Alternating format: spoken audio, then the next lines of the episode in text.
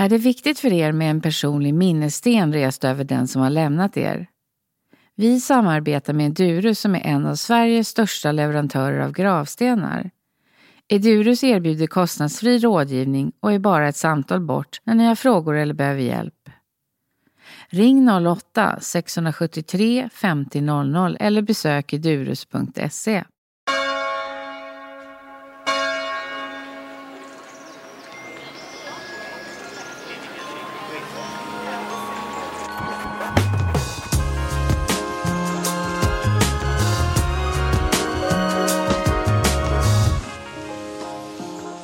Välkommen Eva Svensson till Min död, min begravning. Tack.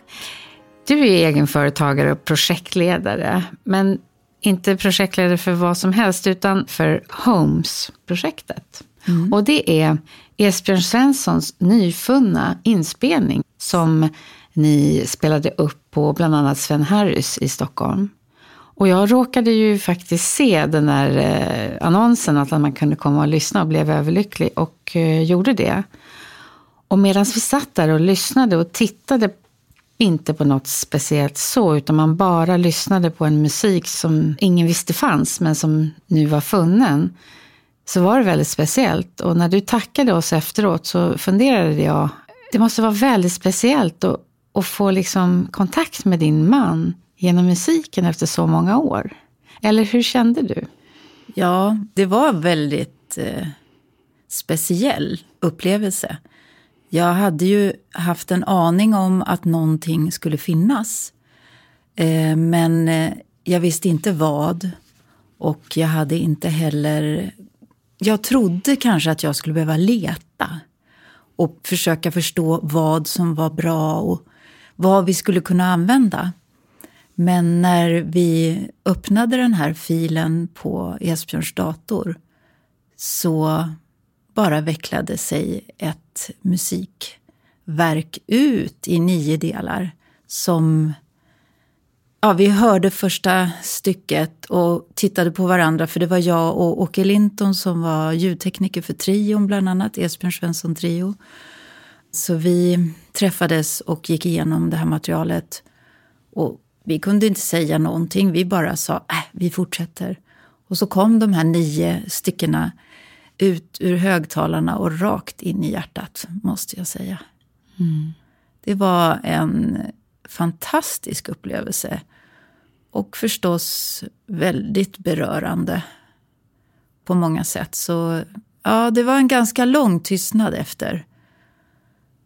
Och eh, inget heller som sådär direkt gick igång i någon slags färdig idé eller form. Men att det var fantastisk musik, det var det ingen tvekan om. Och också att den var förberedd på ett sätt av Esbjörn i placeringen av styckena men också ljudkvaliteten kunde ju Åke hjälpa mig att konstatera att den var ju av väldigt hög kvalitet. Så det var ett färdigt album. Tog det tid att förstå vad du skulle göra med det här? Då? Ja, jag vet ju att det fanns intresse av att ge ut saker. Men det tog lite tid, men jag hade också ganska snart en känsla av att ah, jag lämnar inte bara iväg det här och gör ett album av det. Jag vill nog vara med på något sätt och skapa någonting. Och framförallt vill jag möta några som du på konserten. Att få möta några som också lyssnar och få den där möjligheten, precis som jag och Åke, att lyssna tillsammans. Att inte liksom gå och köpa en skiva, sätta in den, eller hur man nu lyssnar på musik nu för tiden. och eh, liksom sitta för sig själv och höra det här. Utan få en möjlighet att faktiskt gå på en konsert och lyssna. Även fast inte musikern kan vara där mm. och framföra det själv. Så det var din idé att det skulle spelas upp på det här sättet? Då? Ja, det var min idé. Mm. Och sen utvecklades det hela projektet i fyra delar. Så konserterna på Sven Harrys var det första. Och sen har jag också gjort ett online-event på en eh, plattform som heter shortly.film där man kunde se konserten och även dokumentären om Esbjörn och och en konsert som inte tidigare har spelats, där EST spelar, mm. på Nalen i Stockholm. Mm. Så det var den andra delen. Och sen kom albumet nu i november. Och så i vår är planen att jag ska göra en bok också. Så det växte till ett lite större projekt än bara ett album. Så det är det här du jobbar mest med just nu? Just nu är det så. Jag jobbade som bagare fram till februari i år och då bara insåg jag att det här hinner jag inte med. nu måste jag få koncentrera mig helhjärtat på det här projektet. Så vad har hänt med dig under den här tiden då? Ja, så många saker. Mm. Så det kan jag nog inte riktigt sammanfatta än. Men eh, jag tänkte i morse också att oj vad du ger dig in i en massa nya saker hela tiden. Och jag är ju på något sätt i en ålder där man kanske förväntas att ja, vara lite mer klar med vad man, ja, de här nyheterna i livet. Jag vet inte. Men det är väldigt mycket nytt, väldigt mycket saker att förstå tekniskt runt alla delar och få ihop eh, projektet i sin helhet. Mm. Mycket nytt, fantastiskt roligt. Och positivt att träffa så många olika människor genom det här då? Absolut. Mm. Och även då de som jag har samarbetat med inför de här olika mm. delarna i projektet.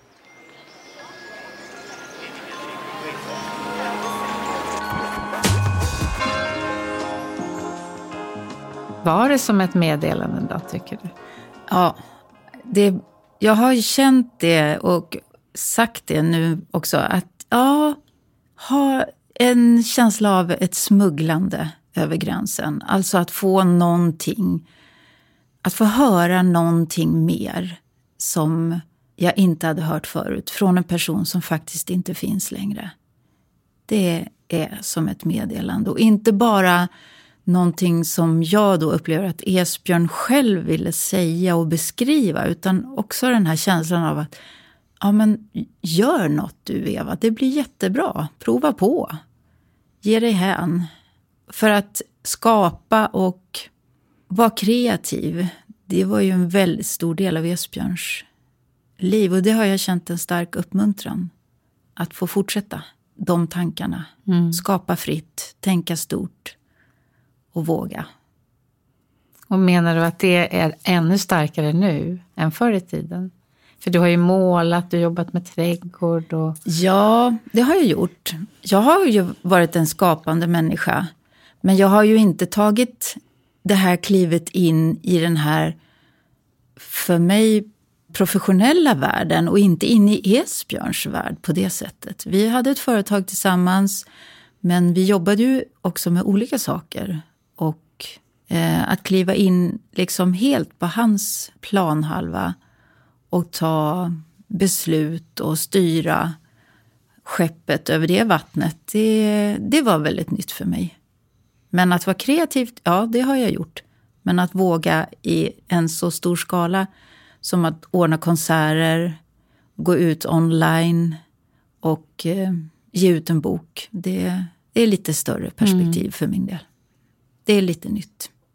Hur ser du på livet och döden och sådana saker efter det du har varit med om? Tycker du att det har förändrats? Eller har du haft en livsfilosofi hela ditt liv på samma sätt? Men jag, jag var ju ung. Yngre i alla fall. När Esbjörn dog. Jag var 45 år. Och vi hade barn som var 10 och 14 ja, men döden var inte närvarande. Ja, mina mor, mormor och morfar och farmor och farfar fanns inte då. Men, men att ha döden så nära i mitt liv, i mitt hem, det, det hade jag inte någon förberedelse eller aning om. Nej. Det var helt nytt och gick ju från att vi sa hej då och Esbjörn åkte ut för att dyka och sen inte kom tillbaks. Eller ja, kom tillbaks men var ju inte vid medvetande överhuvudtaget. Så det är klart att det var en väldigt stor chock och förändring mm. i livet. Men jag funderar på det. Jag vet att en del ville säga att det var orättvist. Och det tyckte jag var en konstig kommentar. Att det är orättvist att någon dör. Jag kan förstå vad man vill säga. Men jag kunde inte riktigt tänka det för min egen del. Utan ja, döden är ju en del av livet. Det får vi nog lov att inse bara. Mm. Det är ingen som kommer undan. Nej. Men det är ju det när någon annan dör. Det är, ja, det är två olika perspektiv också kan man säga. Min egen död och andras död. Det är olika.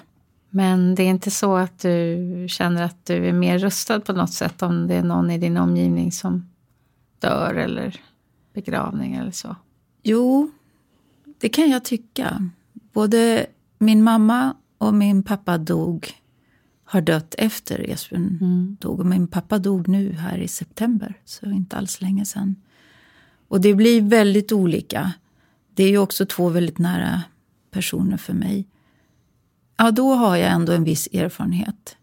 Jag vet hur en död människa ser ut. Det har jag varit med om flera gånger. Och jag har varit med om förloppet också. Tre olika förlopp. Esbjörn dog eh, i en katastrof. Min mamma var sjuk i alla fall ett halvår. Och min pappa visste att han hade en sjukdom som skulle besegra honom. Och det tog inte jättemånga dagar, men det var ändå förberett på ett särskilt sätt. Så tre olika sätt. Mm. Så just den biten med döden, den konkreta. Men sen vad det gör med en i vardagen, eller, det tror jag blir väldigt olika. Mm. Och kanske inte helt lätt att förbereda sig på. Och jag vill inte tänka på vad jag ska få vara med om nästa gång. Nej. Om det blir så. Man vill ju inte skiljas. Nej, det vill man det. inte. Det är människor man tycker om vill man ju ha för evigt så att Ja. säga. Det kan jag säga att det har jag också. Särskilt med Esbjörn som nu har varit borta i 14 år. Så känner jag ändå att vi, vi har mycket tillsammans. Och extra mycket blev det med det här projektet också. Att vi verkligen har jobbat ihop. Jag tycker man kan ha en människa med sig. Även om den inte finns i fysisk form. Så vi lever ganska nära varandra. Det låter fint. Men också helt fria Ja. Ja, det är skönt. Det är skönt att ha Esbjörn här. Och det är också skönt för mig att känna mig att jag inte är, jag har inga, jag har inget ansvar eller obligationer mot det hela. Utan jag har bara ett stort stöd. Lyssnar du mycket på hans musik eller eh, tidigare musik? Eh, Inte, inte mycket, men jag blir glad när det dyker upp. På radion och Ja. sådär? Ja. Och känner, jag hör direkt. Mm. Och det var ju också en sak när jag hittade den här musiken. Att det var Esbjörns röst så tydligt. Alltså inte hans talröst utan hans musikaliska uttryck. Det kunde inte vara någon annan som spelade, det var Nej. han. Och för honom, alltså inte för ett band utan för Nej, som solist. som solist. Ja. Och att höra så tydligt, ah, det här är ju det här är Esbjörn som spelar. Det var inte frågan om att det skulle varit någon annan. Den rösten är ju väldigt härlig. Och det kan jag uppleva också även med trion, att när jag hör dem att ah, det här känner jag igen. Det är en väldigt härlig känsla. Mm. Men det går inte på repeat hemma. Men Nej. det dyker upp där. Det finns. Men musik, jag tror eh, musik är nog väldigt stark. För många, när man pratar om just begravningar så är det, eller ibland folk kan säga, säger inte så mycket om begravningar, men de kan säga den här låten vill jag att man spelar på min begravning. Det är nästan så att man då höjer den låten extra mycket. Tänker du också lite musik på det sättet? En del tänker ju kanske mer hur det ser ut eller i text eller det kan vara många olika saker. Men just musik tror jag många känner sig nära att kunna diskutera. Och musik berör oss ju på ett väldigt speciellt sätt. Det går ju tvärs igenom det mesta, faktiskt. Eh, när det gäller begravningar så tror jag att min tanke landar i de flesta delarna. Musiken är en viktig del, men jag tycker också det estetiska uttrycket känns väldigt viktigt för mig. Och också vad som sägs så text... Ja, jag tycker nog att de delarna hör ihop. Helheten, helt mm. enkelt. Och att det bara är en viss stund också. Ja.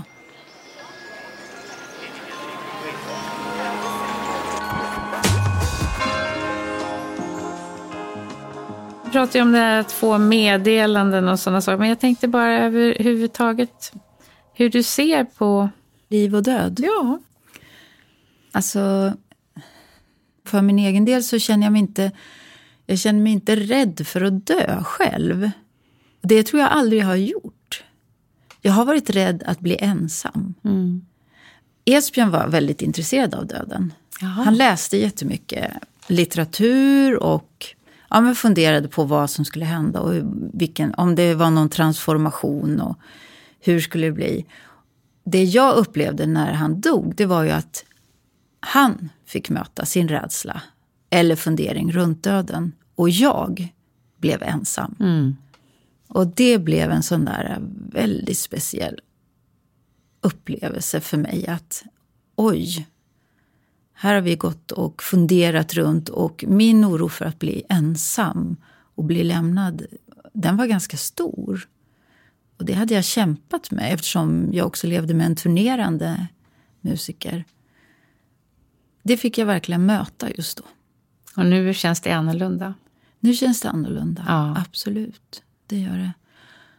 Och jag tror att vi också som familj hade delvis nytta av att Esbjörn hade turnerat så mycket. För vardagen i våra liv var inte helt olik sig.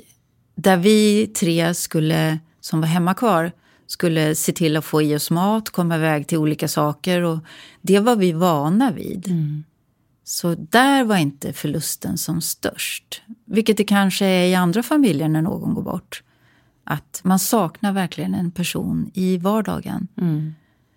I sysslorna. Men i precis allting annat saknades ju Esbjörn förstås. Mm. Mm. Ja, det har jag tänkt på ibland, att vi klarade det ganska bra. Har du några tankar som du tycker är, kunde vara viktigt för någon annan som har förlorat någon som, som har hjälpt dig? Ja, att så gott det går bara låta tiden gå. Så gott man kan. Jag vet att jag, att jag kröp ihop och undrade varför jag klarade saker. Jag tyckte det var besvärligt. Jag ville att den här förlusten skulle visa sig väldigt tydlig för mig och för andra kanske. Att jag liksom skulle sluta fungera. Mm. Så blev det inte riktigt. Jag slutade fungera på alla platser där det gick att komma. Där ingen liksom märkte det på något sätt. Så... Jaha. Ja, men när barnen var i skolan, ja då kunde jag åka hem och dra täcket över huvudet och, och ligga och knappt andas tyckte jag. Men sen så rätt som det var så stod jag upp och sen hade jag satt igång någonting. Den där livskraften mm. som finns inuti oss. Det tror jag faktiskt den gör i alla, även om den ibland kanske har svårare att visa mm. sig. Mm. Men att helt plötsligt bara, oj, var kom den energin ifrån? Det hade jag inte ens tänkt. Det känd, upplevde jag som en väldigt stark livskraft. Mm. Sen fick ju jag möjlighet att jobba i Rosendals trädgård. Ja.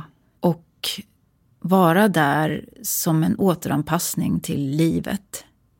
Och där var det så, jag kom in på våren där och i växthuset så började man dra upp små planter som skulle planteras ut.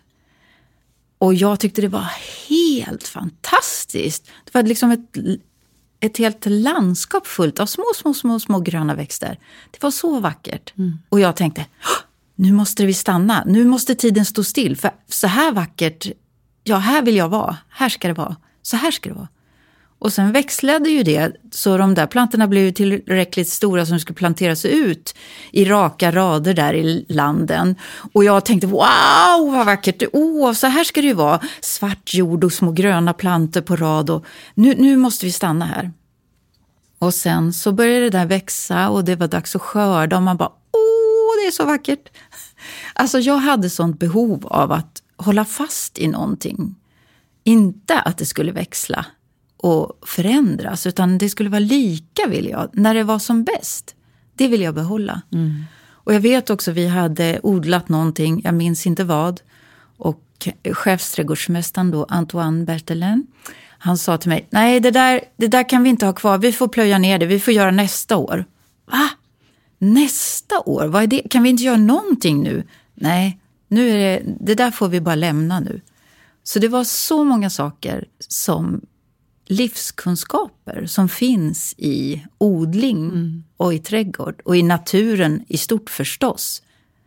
Ingenting stannar ju likadant utan allting växlar. Mm. Allting förändras. Allting skiftar. Och det är bara att följa med. Det måste ju också vara symboliskt att man jobbar med något som gror och att det kommer nytt liv och att det dör. Alltså det, ja.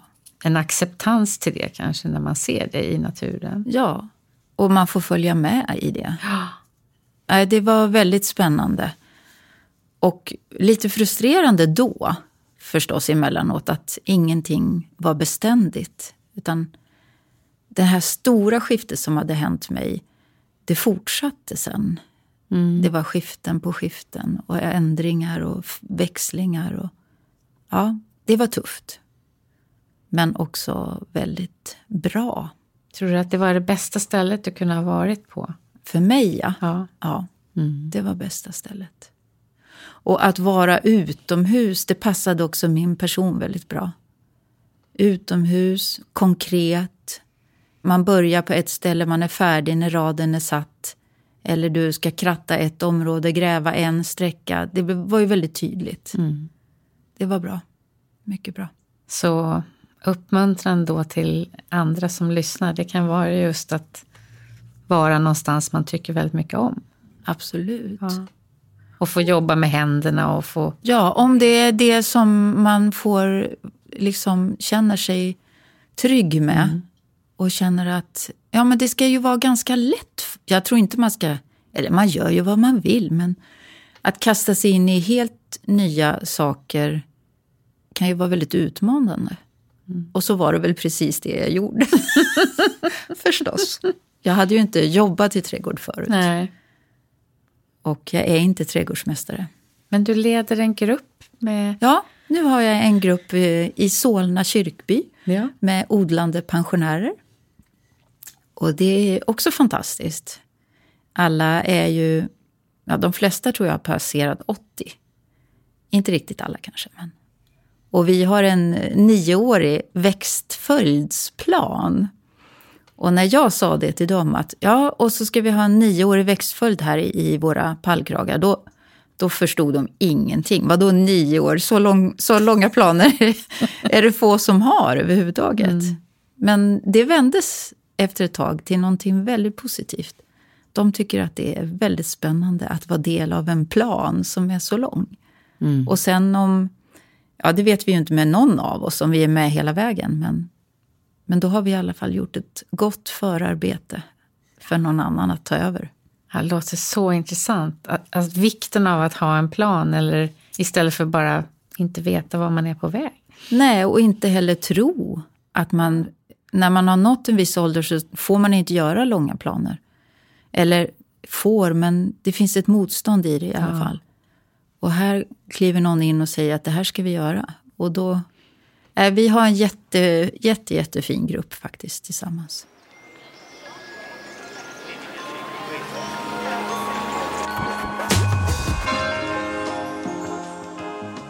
Har du själv funderat på din egen begravning? Jag tänkte du har hållit på med flera andra begravningar, men är det någonting som du själv har funderat? Ja, jag har funderat på min begravning och jag har skaffat ett sånt här vitt arkiv mm. och jag har fyllt i. Och jag har ändrat och fyllt i. Och jag, jag känner inte för min egen del att det är så viktigt för mig vad som händer. Men det är viktigt. Jag skulle vilja vara till hjälp för dem som ska ta hand om min mm. begravning. Jag har inget behov av att just det eller det ska vara när jag är död. Men jag vet ju hur, ja, hur, hur man kan famla om man inte har fått någon instruktion om man känner sig osäker. Mm. Så jag har skrivit, ja, jag tycker om orangea blommor, men gör som ni vill. Ja, och ja, jag vill bli kremerad. Ja, det kanske jag i alla fall står fast vid. Ja, det står jag nog fast vid. Men gör som ni vill. men, ja, men så det är väl den på den. Ja, jag tycker om den här musiken och det skulle passa så här, men ja, som mm. sagt. Så det är inte projektledaren som talar här, gör som ni vill. Bidra gärna och det har blivit så mycket bättre ju. Tack vare att många har haft ett annat perspektiv än vad jag har. Mm. Det hade aldrig blivit lika bra om det bara var min vilja. Så det är jag jättetacksam för. Mm. Men från att Esbjörn dog ja. så kände jag i vårt förhållande då en väldigt stor frihet i... Jag fick en sån känsla av att ja men Eva, du är på jorden och du måste ju göra de där sakerna som man gör när man lever och är mm. på jorden. Så vad Esbjörn skulle ha tyckt om det ena eller det andra för det är också, finns ju också en sån tradition eller vana, vad jag ska säga, att folk säger ja, det här hade Esbjörn velat. Ja, ja kanske, eller inte. För att det tycker jag, det är svårt att gissa. Det finns ju ingen som vet. Nej, egentligen. hade han tyckt om det här skivomslaget? Ja, ingen aning faktiskt. Men det är jag som måste göra det här. Mm. Och då bedömer jag och skapar så gott jag kan utifrån den information och intuition och vad det kan vara som jag har tillgång till. Mm.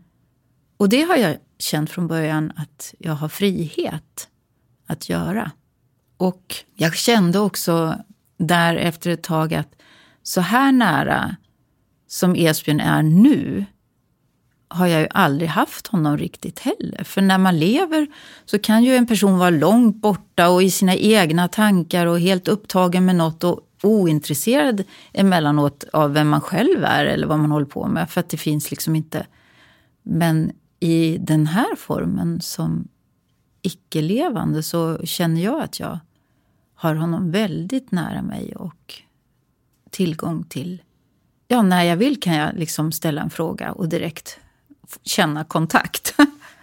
ja, det får jag väl stå för. Nu sa jag det. Ja. Ser dina barn det? Känner de också det? Nej, det vet jag inte. Det har vi faktiskt inte pratat om. Nej. De vet ju vad jag tänker och så, men jag har inte, jag har inte frågat dem så mycket om det. faktiskt. Nej. Det är nog mitt förhållande. Ja, det låter som en bra plattform att känna sig fri att göra. Mm. Och det kanske också betyder att du kan gå in i olika roller, som att du har jobbat med flera olika saker. Mm. Jag fick också en känsla av att vilket jag har tampats med. Det har inte varit helt självklart. Det har tagit tid. Men jag fick också en känsla av att mm, Eva, du lever. Och vad ska du göra med det? Mm. Det var min egen undran till mig själv. Alltså, ja, kvar här, vad gör jag? Hur sätter jag värde på mitt eget liv? Mm. Och vad, vad ska det innebära och innehålla i så fall? Det var någonting som jag... Och det kanske är en sån där känsla av ansvar när man överlever någon. Att man, man skulle kunna kalla det skyldighet eller någon slags skuld. Men jag skulle hellre vilja kalla det att jag fick en känsla av att jag ville vara noggrann. Mm. Eller utforska. Vad är det som livet ska vara nu när det blev så här? Det blev ju väldigt annorlunda. Mm. Det har inte liksom varit en självklarhet. Ja, jag ska, då gör jag så här. Utan jag har ju verkligen letat mig fram. Så jag har ja, dels varit i trädgården då. Och det hade jag ju inte jobbat med förut. Men jag var kvar där i sju år och det var fantastisk tid. Och sen har jag letat i min, mina egna gömmor. Jag gjorde en utställning och skrev en diktbok.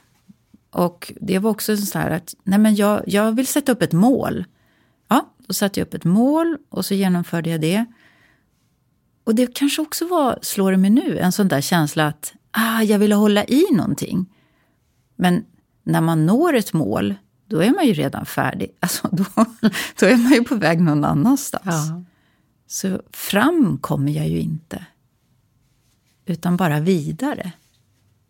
Okej, du menar så. Ja. Ja, men det blir inte liksom, åh, när jag kommer dit, då.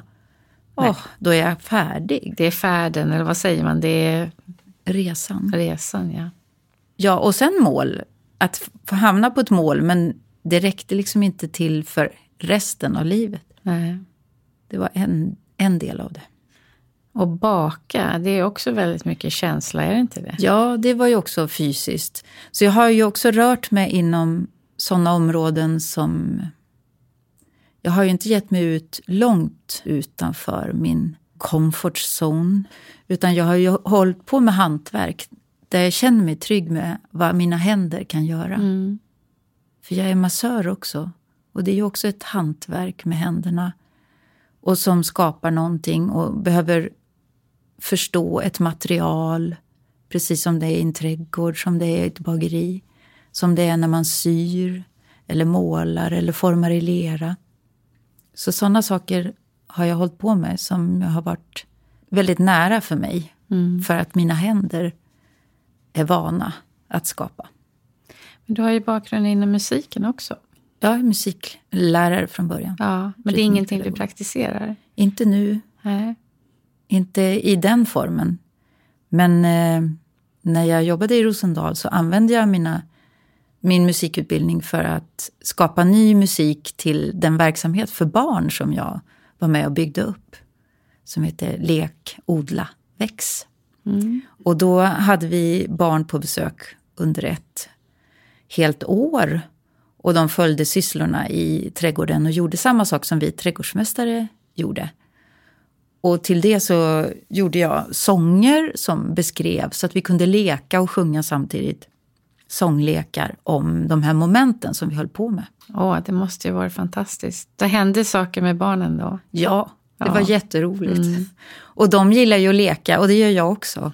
Så vi lekte ju alla, vi lekte knoppar på våren, vi lekte groddar och började växa upp och vi blev olika planter. Och vi lekte skördefest och jag stoppade dem i en stor gryta och rörde om och de fick hitta på vad de var.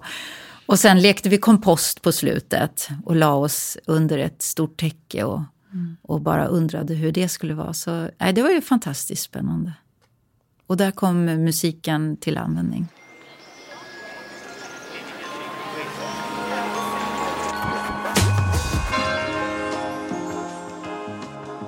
Men allt det här du har gjort under de här åren sedan Esbjörn gick bort. Men känner du att det är mycket mer hoppfullt och fint att leva? Jag vet inte om hoppfullt. Kanske inte rätt ord. Nej. Men alltså hur har det förändrats? Jag tror att jag vågar mer. Men det kan ju också ha med ålder att göra. Fast jag tror att det har lite med ett utrymme som ska fyllas också. Att ha varit två om ett utrymme i en familj och sen försvinner en del av det.